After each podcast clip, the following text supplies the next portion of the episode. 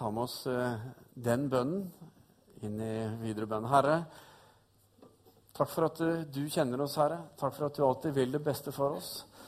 Og Herre, av og til så trenger vi å minne oss selv på Vi trenger å bevisstgjøre oss på eh, faktisk hva du har gitt oss, og at vi trenger å hjelpe oss selv til å ta noen bevisste steg i retning av deg. Både med livene våre, med tankene våre, med ordene våre, med holdningene våre.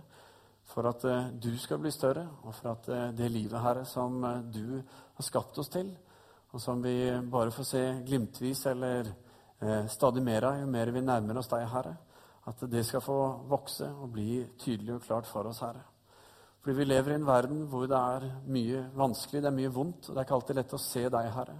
Så hjelp oss å stadig henvende oss til deg, sånn at ikke vi bare skal se deg eh, med våre liv, men at vi skal få lov til å eh, erfare deg og få lov til å nettopp gi deg videre der hvor vi er. At vi skal få lov til å reflektere deg med våre liv, Herre, til din ære. Det er vår bønn, Herre. Tal til oss, bruk oss, og eh, takk, Herre, for at vi får være dine. Vi ber i Jesu navn. Amen.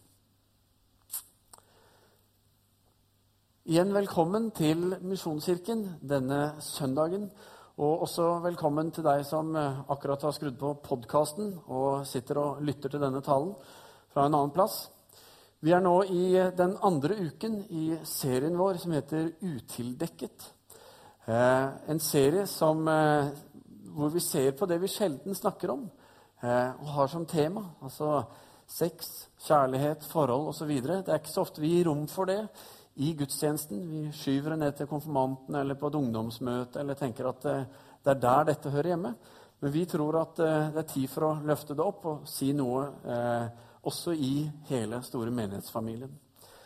Eh, for det er viktig at vi ikke tildekker de tingene som vi syns er vanskelig eller ser blir på måte, eh, brukt på feil måte utenfor, men at vi sier noe sant. Fordi Bibelen snakker om dette, og da tror vi også det er viktig at vi gjør det.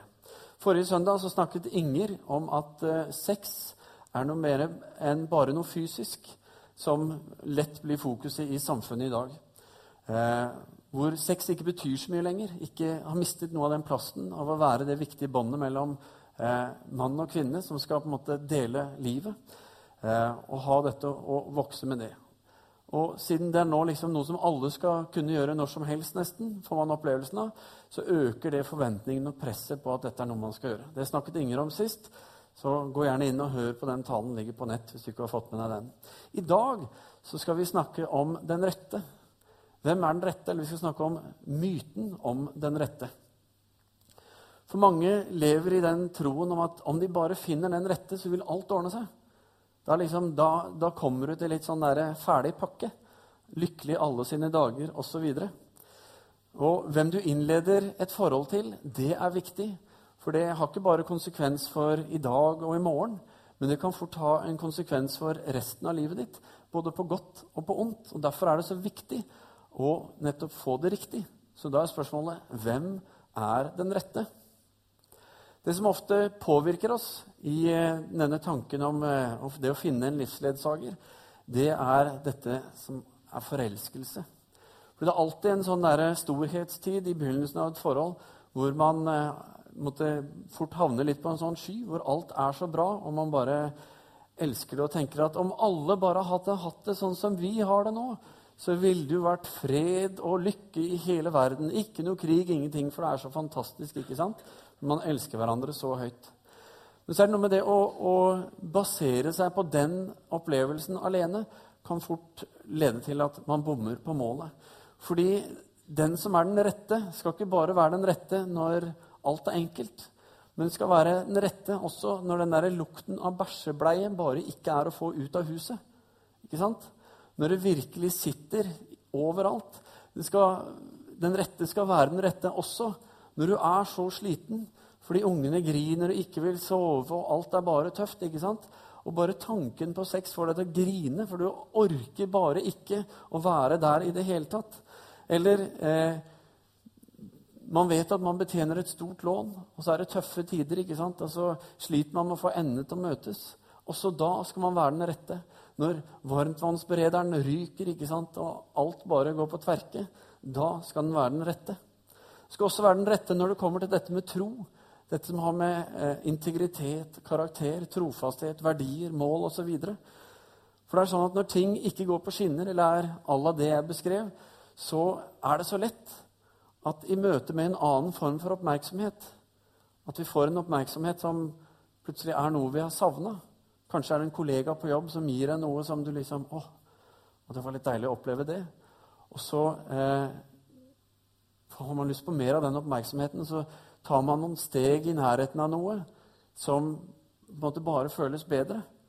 Og så ender man kanskje opp i en situasjon hvor man etablerer noe.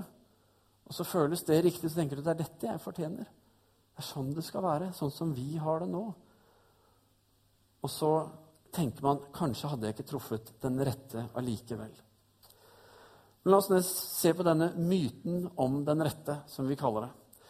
Fordi denne myten den har både sin eventyrversjon og den har eh, sin åndelige versjon. Og sikkert flere varianter av den. Men eventyrvarianten den handler jo den om at eh, bare du finner denne ene, så blir livet en dans på roser. Da er det lykkelig alle sine dager.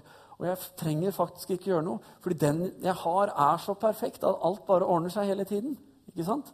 Det er litt sånn glansbilde. Eh, så har du den åndelige varianten, som sier at Gud har plukket ut én, og bare én. Og hvis ikke du treffer den ene, så går det skikkelig dårlig. Da er du helt på viddene. Da kan du på en måte glemme det.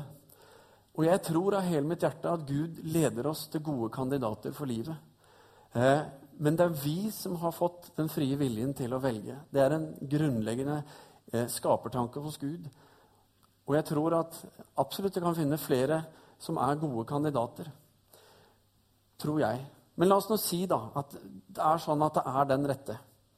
Og så betyr det at eh, for meg så var kanskje Anne den som var rett for meg. Og så bomma jeg litt på det, så jeg endte opp med Marianne. Ikke sant? For du skal mar marry Anne, ikke sant? Nei. Nei, jeg skal ikke gå inn på den. Så det er sånn feil jeg kan gå i.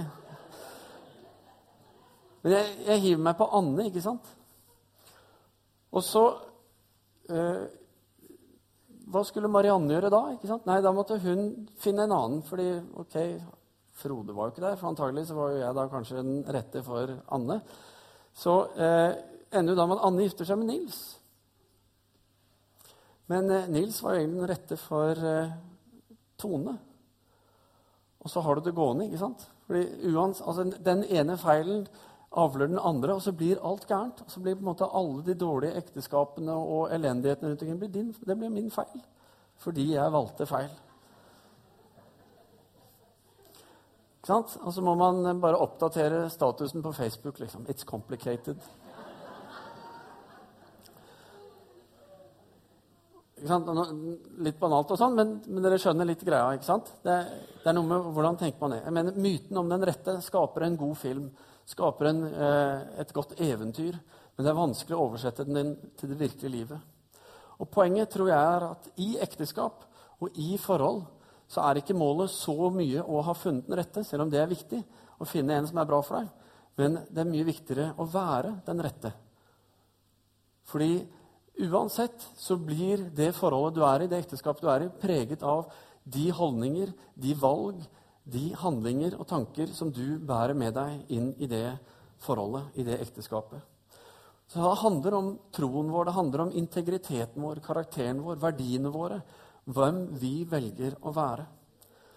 Paulus sier til eh, de som er gift, i Efeserne 5, 21, så sier han Vær hverandre underordnet i ærefrykt for Kristus. Med andre ord, vær den beste du kan være for ektefellen din, og gjør det til Guds ære. I dag så oppleves det som at det å finne en annen det er blitt på en måte enda vanskeligere enn det var en gang. Hvordan man finner hverandre i dag, handler, kan litt sånn, i hvert fall fra utsiden tenke handler mer om eh, eller mindre om hvem jeg faktisk er, og mer om hvem jeg ønsker at eh, andre skal vite at en selv er. Eh, det er mye mer sånn eh, prøve uten forpliktelser. Man blir ikke lenger kjærester først. Man holder på. Og man kan holde på i flere måneder før man forplikter seg på ok, ja, vi går steady, vi er kjærester, liksom. Eh, og man vet jo ikke om man kan være gift før man kan gifte seg, om man har bodd sammen en stund. Sånn tenker jo mange.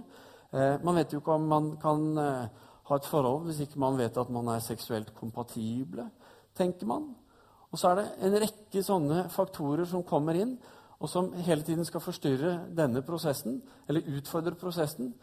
Og så utfordres man ikke bare eh, ute i det sosiale, men også på de sosiale mediene. ikke sant? Der skal man lære hverandre å kjenne, der skal man fremstå riktig, der skal liksom ting være sånn og sånn. Og så blir det så mange faktorer etter hvert at usikkerhet blir et sånn grunnelement i det å skulle finne eh, en en skal dele livet med. Og ikke for å si at det er galt i, med alt som er, men det er mye mer krevende tror jeg, enn det har vært på lenge.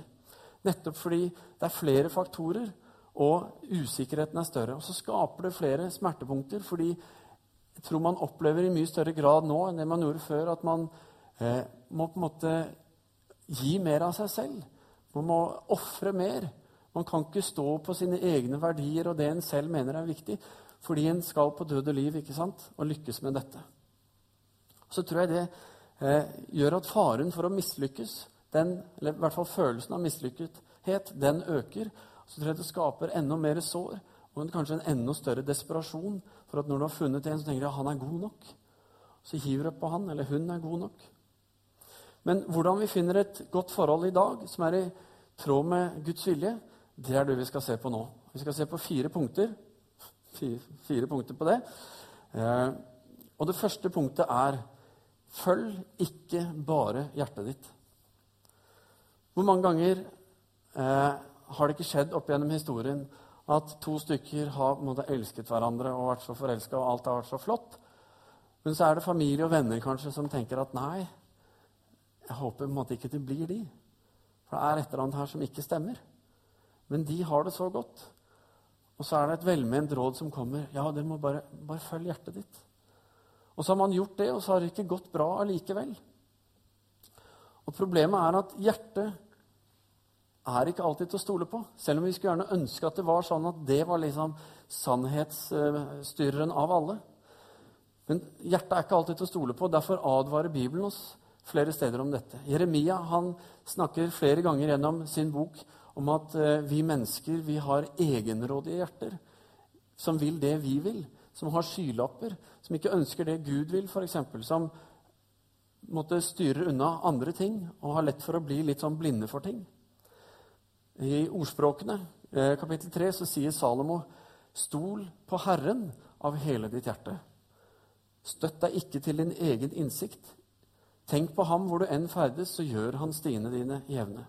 Altså, Ikke stol på deg selv alene, for vi har egenrådige hjerter som gjør oss blinde. Men søk Guds råd av hele ditt hjerte, fordi Gud evner å vise deg og ønsker å lede deg til å se mer enn bare det vi ser når vi er forelska eller i boblen, eller hva vi kaller det. Han ønsker at vi skal få se hele perspektivet sånn det er. I ordspråkene 14 sier Salomo også at eh, fra vers 12 sier han en vei som synes å være den rette, kan likevel ende i døden.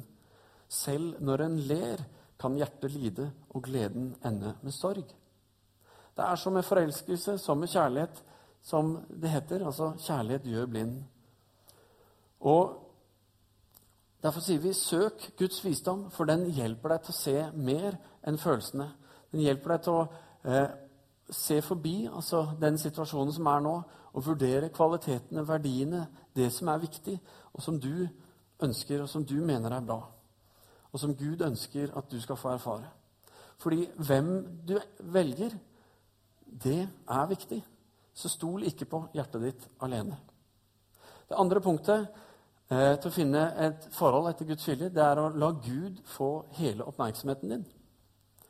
Det var en gang to steiner som gikk over en vei. og Så ble den ene påkjørt, og så sa den andre 'Oi, der ble jeg singel'. Poenget er at når du er i et forhold, eller ikke er i et forhold, unnskyld, og er det vi kaller singel, så eh, er du i en helt annen, eh, du har en helt annen frihet til å investere i livet, til å virkelig bestemme og legge en slags sånn mal for hva du ønsker for livet ditt, hva som er viktig. Til å investere i troen din, til å eh, måtte bestemme deg for 'dette ønsker jeg' i et framtidig forhold. Eh, og Paulus han eh, sier til de single Han sier det i eh, 1. Korinterbrev 7. Så sier han jeg vil at dere skal slippe bekymringer. Den ugifte er opptatt av det som hører Herren til, og hvordan han kan være til glede for Herren. Men den som er gift, er opptatt av det som hører verden til, hvordan han kan glede sin kone, eller mann for den saks skyld. Og så blir sinnet delt. Tiden som singel den tror jeg ofte oppleves som en vanskelig tid fordi man føler at det å være i et forhold er det man skal. Det er det som er det rette. Og når du er i et forhold, så har du på en måte bekreftet at du har en sånn egenverdi. tror jeg mange sliter med å eller føle litt på. Men jeg tror at tiden som singel er noe vi skal se på som en verdifull tid. Noe som eh, eh, er en gave, som er rett og slett en anledning til å investere i eget liv. Eh, bruk tiden din godt. Gjør noe annet. Altså, med en gang du havner i et forhold, så er det en del sånne begrensninger som legger seg. Eh, om, vet du om de som måte velger å ikke bli kjærester fordi de vet at de skal være borte et år, og da gidder de ikke å være kjæreste med noen, for da skal de binde seg til noe. ikke sant? Så Du har en helt annen frihet, men bruk den tiden godt. Gjør noe annet.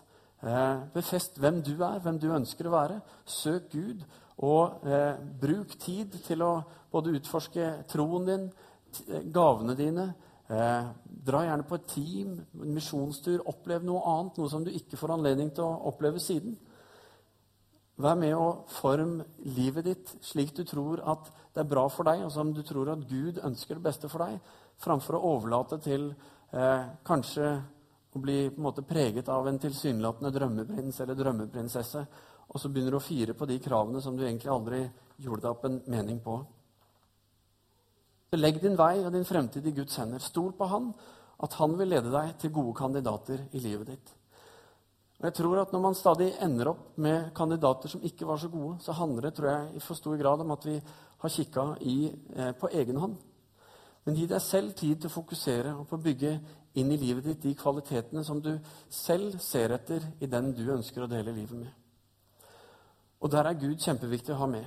Og Poenget er at det er mye lettere når du er singel, enn når du sitter der med bleier og med eh, foreldremøter og aktiviteter og kjører hit og dit og alt som er.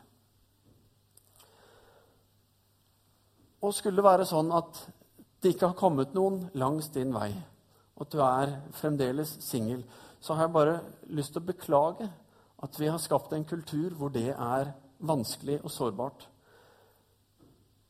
Jeg har lyst til å si ikke skam deg for at du er singel, men Eh, gi det til Gud, og la Han få lov til å komme inn og, prege livet ditt enda mer. Kanskje du har gjort det, men, og da er det bra. Heie på det. Paulus selv han mente at det var bedre å være alene enn å være gift. For da får du mer tid til det som er best og viktigst, nettopp å leve helt for Gud.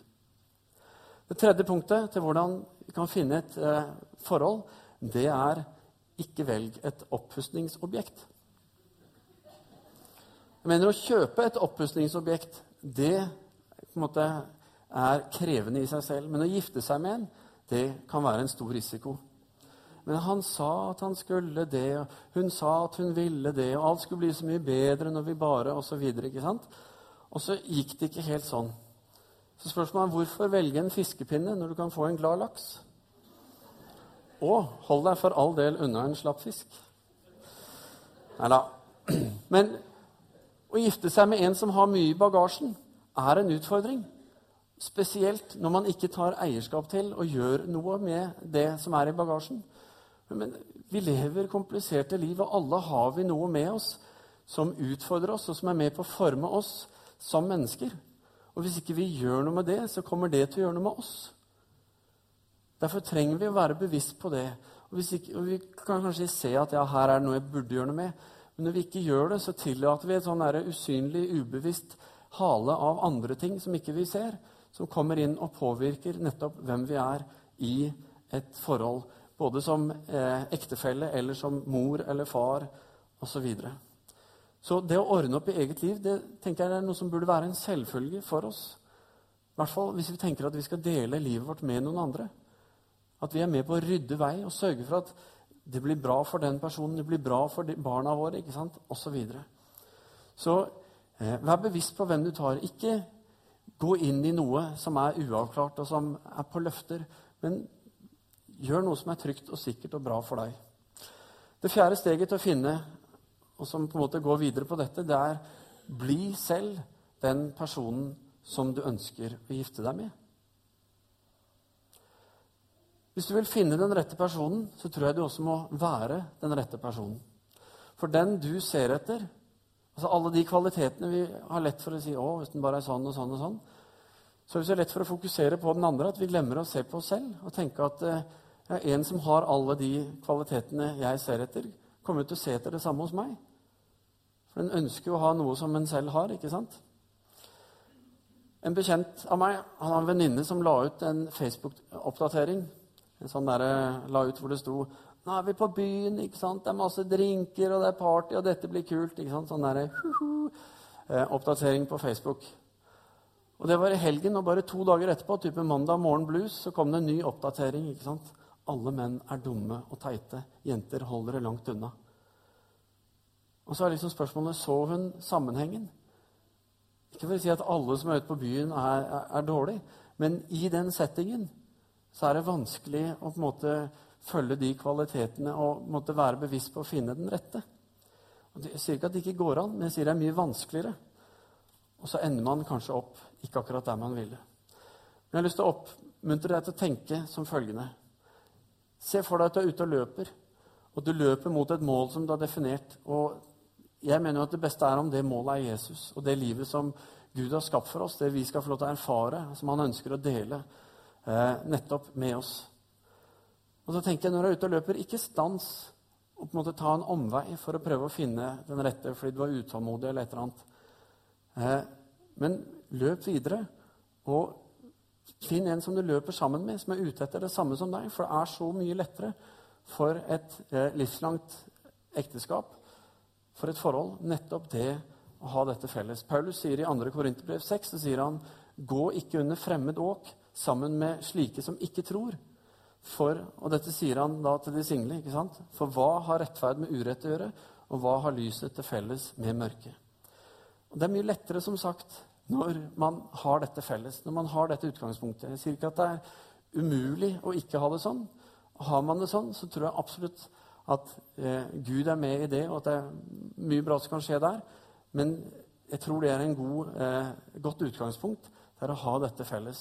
At tro er noe som er viktig for den du skal dele livet med. Det å gå i menighet, hvis det er viktig for deg, at det er også viktig for den.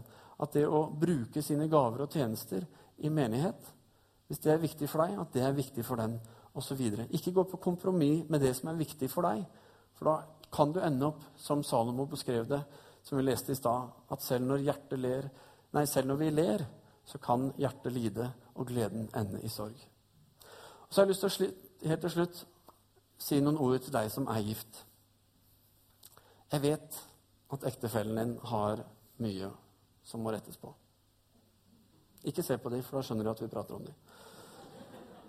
Jeg vet at de har mye å rette på, og at det skulle vært en ordentlig dugnad. Men jeg har lyst til å utfordre deg til å snu på det. Se på deg selv. Tenke Hva er en ting som jeg trenger å endre på i mitt liv? Som jeg ser påvirker dette forholdet? Som påvirker meg som mann eller som kone eller som far, for den saks skyld? Eller mor? Og så er det sikkert bare én ting, ikke sant? Men gjør noe i hvert fall med den tingen. Kanskje er du lat. Ikke noe flink til å hjelpe til hjemme. Den andre liksom styrer og står på hele tiden. Kanskje er du veldig kjapp til å konkludere og dømme og feiltolke liksom det som blir sagt, og blir sånn nebbete og gærent. Kanskje er du veldig styrete. Men sånne små ting som man kan leve med, men som gjør ting litt vanskelig likevel. Be om at Gud skal forvandle hjertet ditt. Om at Gud skal røre ved deg og vise deg hva det er, og at du tar de rette stegene i ditt eget liv nettopp for at du skal få lov til å være med og skape en bedre ramme for det ekteskapet du er i. Her i høstferien så starta jeg på oppussingen av min datters rom. Den liksom hengt over meg en stund. Hun ville veldig gjerne ha gjort noe med dette. Og et rom hvor, eh, som er liksom i skjøten av et påbygg som ble gjort for noen år tilbake av forrige eier, hvor veggene ikke treffer hverandre helt, og det er litt sånn rart. Så det var greit å få gjort noe uansett. Og så måtte jeg rive noen vegger, rive litt tak og snekre litt og herje og få dette til å bli jevnt og fint. Og nye vegger, male gulv og lister og hele greia der. Og dette tenkte jeg det skulle jeg få gjort i løpet av høstferieuka. ikke sant? Så ble jeg ferdig forrige uke. Eh, det forteller jo bare at ok, alt gikk ikke sånn jeg hadde planlagt. Og underveis så traff jeg på noen utfordringer og, utfordringer og ting som irriterte meg så grunnleggende at midt inne der så hadde jeg et skikkelig raseriutbrudd. Det bare eksploderte, og jeg, det var sikkert masse som fløy rundt omkring. Jeg husker ikke alle detaljene. Men jeg, jeg ble ganske sint og gikk og smalt og hadde noen gloser som jeg slett ikke er stolt av. Og så opplever sønnene mine dette. Så når jeg liksom får roa meg ned så, eh, Kona mi òg, men jeg visste at hun hadde opplevd det før. Og regnet med at hun, regnet med at hun tålte det. Så sånn var det bare, liksom. Så jeg gjorde ikke noe i forhold til henne. Jeg gikk til gutta mine og sa gutter, det var ikke bra. Tilgi meg. Det var ikke meningen å vise dere det. Så gikk det et par dager, og så er Marianne, kona mi, i en scene hvor hun ikke har det bra. Og hvor hun får en sånn raserigreie. Og så er hun på en måte en kopi av meg. Og når jeg ser det, så blir jeg så hjerteknust umiddelbart. For det er så ulikt henne. Jeg har aldri sett det før. Og så bare slår det meg med en gang Frode, dette er frukten av ditt sinne. Av din måte å håndtere dette på. Så jeg måtte bare umiddelbart si vet du hva, Marianne, dette er ikke deg, dette er meg. Du må tilgi meg. Dette må, altså, dette må slutte. Sånn kan det ikke fortsette. For snart er ungene mine sånn også. ikke sant? Så handler det om å ta grep i det som ikke er sunt, og gjøre noe med det. Og så har jeg en vei å gå. Det kan godt hende jeg smeller ut en gang til. Nå har jeg tror jeg, et bedre sånn der, sikkerhetsnett som forteller meg tidligere at stopp nå, for dette er ikke bra. Gjør noe med det. Og det tenker jeg vi har mye å jobbe med i oss selv. Jeg tror Å invitere Gud inn ved det og la Han få lov til å forvandle oss. Og jeg tror Når man er to sammen som har dette som mål, at vi vil være den rette, vi vil være det for hverandre, så tror jeg da har du oppskriften på et livslangt og godt ekteskap. Og det tror jeg er viktig for oss å strekke oss etter. Det, og når vi ikke ser på oss selv, men ser på den andre, så er det så mye lettere å lage en liste. Ikke sant? Og så ender det opp med at man blir liksom misfornøyd og utilpass. Og så er det ofte de tingene som gjør at vi detter ut. Men det tror jeg er kjempeviktig. Å være den rette heller enn å tenke på at den andre skal være det for deg. Helt til slutt, i Jeremia 29 så sier eh, Gud, for jeg vet hvilke tanker jeg har med dere, sier han. Fredstanker og ikke ulykkestanker. Jeg vil gi dere framtid og håp. Og fordi det er Guds ønske for deg og meg, så er Gud en som jeg virkelig vil oppmuntre deg til, uansett hvor du er. Om du er singel, om du er gift, har vært i mange år, eller du er i ferd med å forlove deg, eller hva det nå enn er.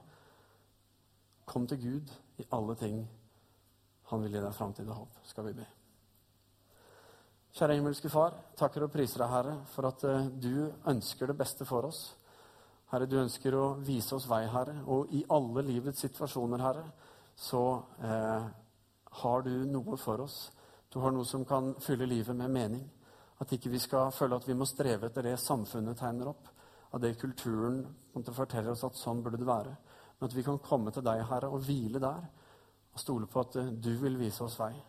At du vil lede oss til mennesker som eh, vi skal dele livet med, om, om eh, vi skal få gjøre det, eller hva det enn er, Herre. Men at uansett så er det beste vi kan gjøre, det er å komme til deg med livene våre. Og invitere deg inn til å lede og til å vise oss det beste i livet. Og Herre, tal til oss.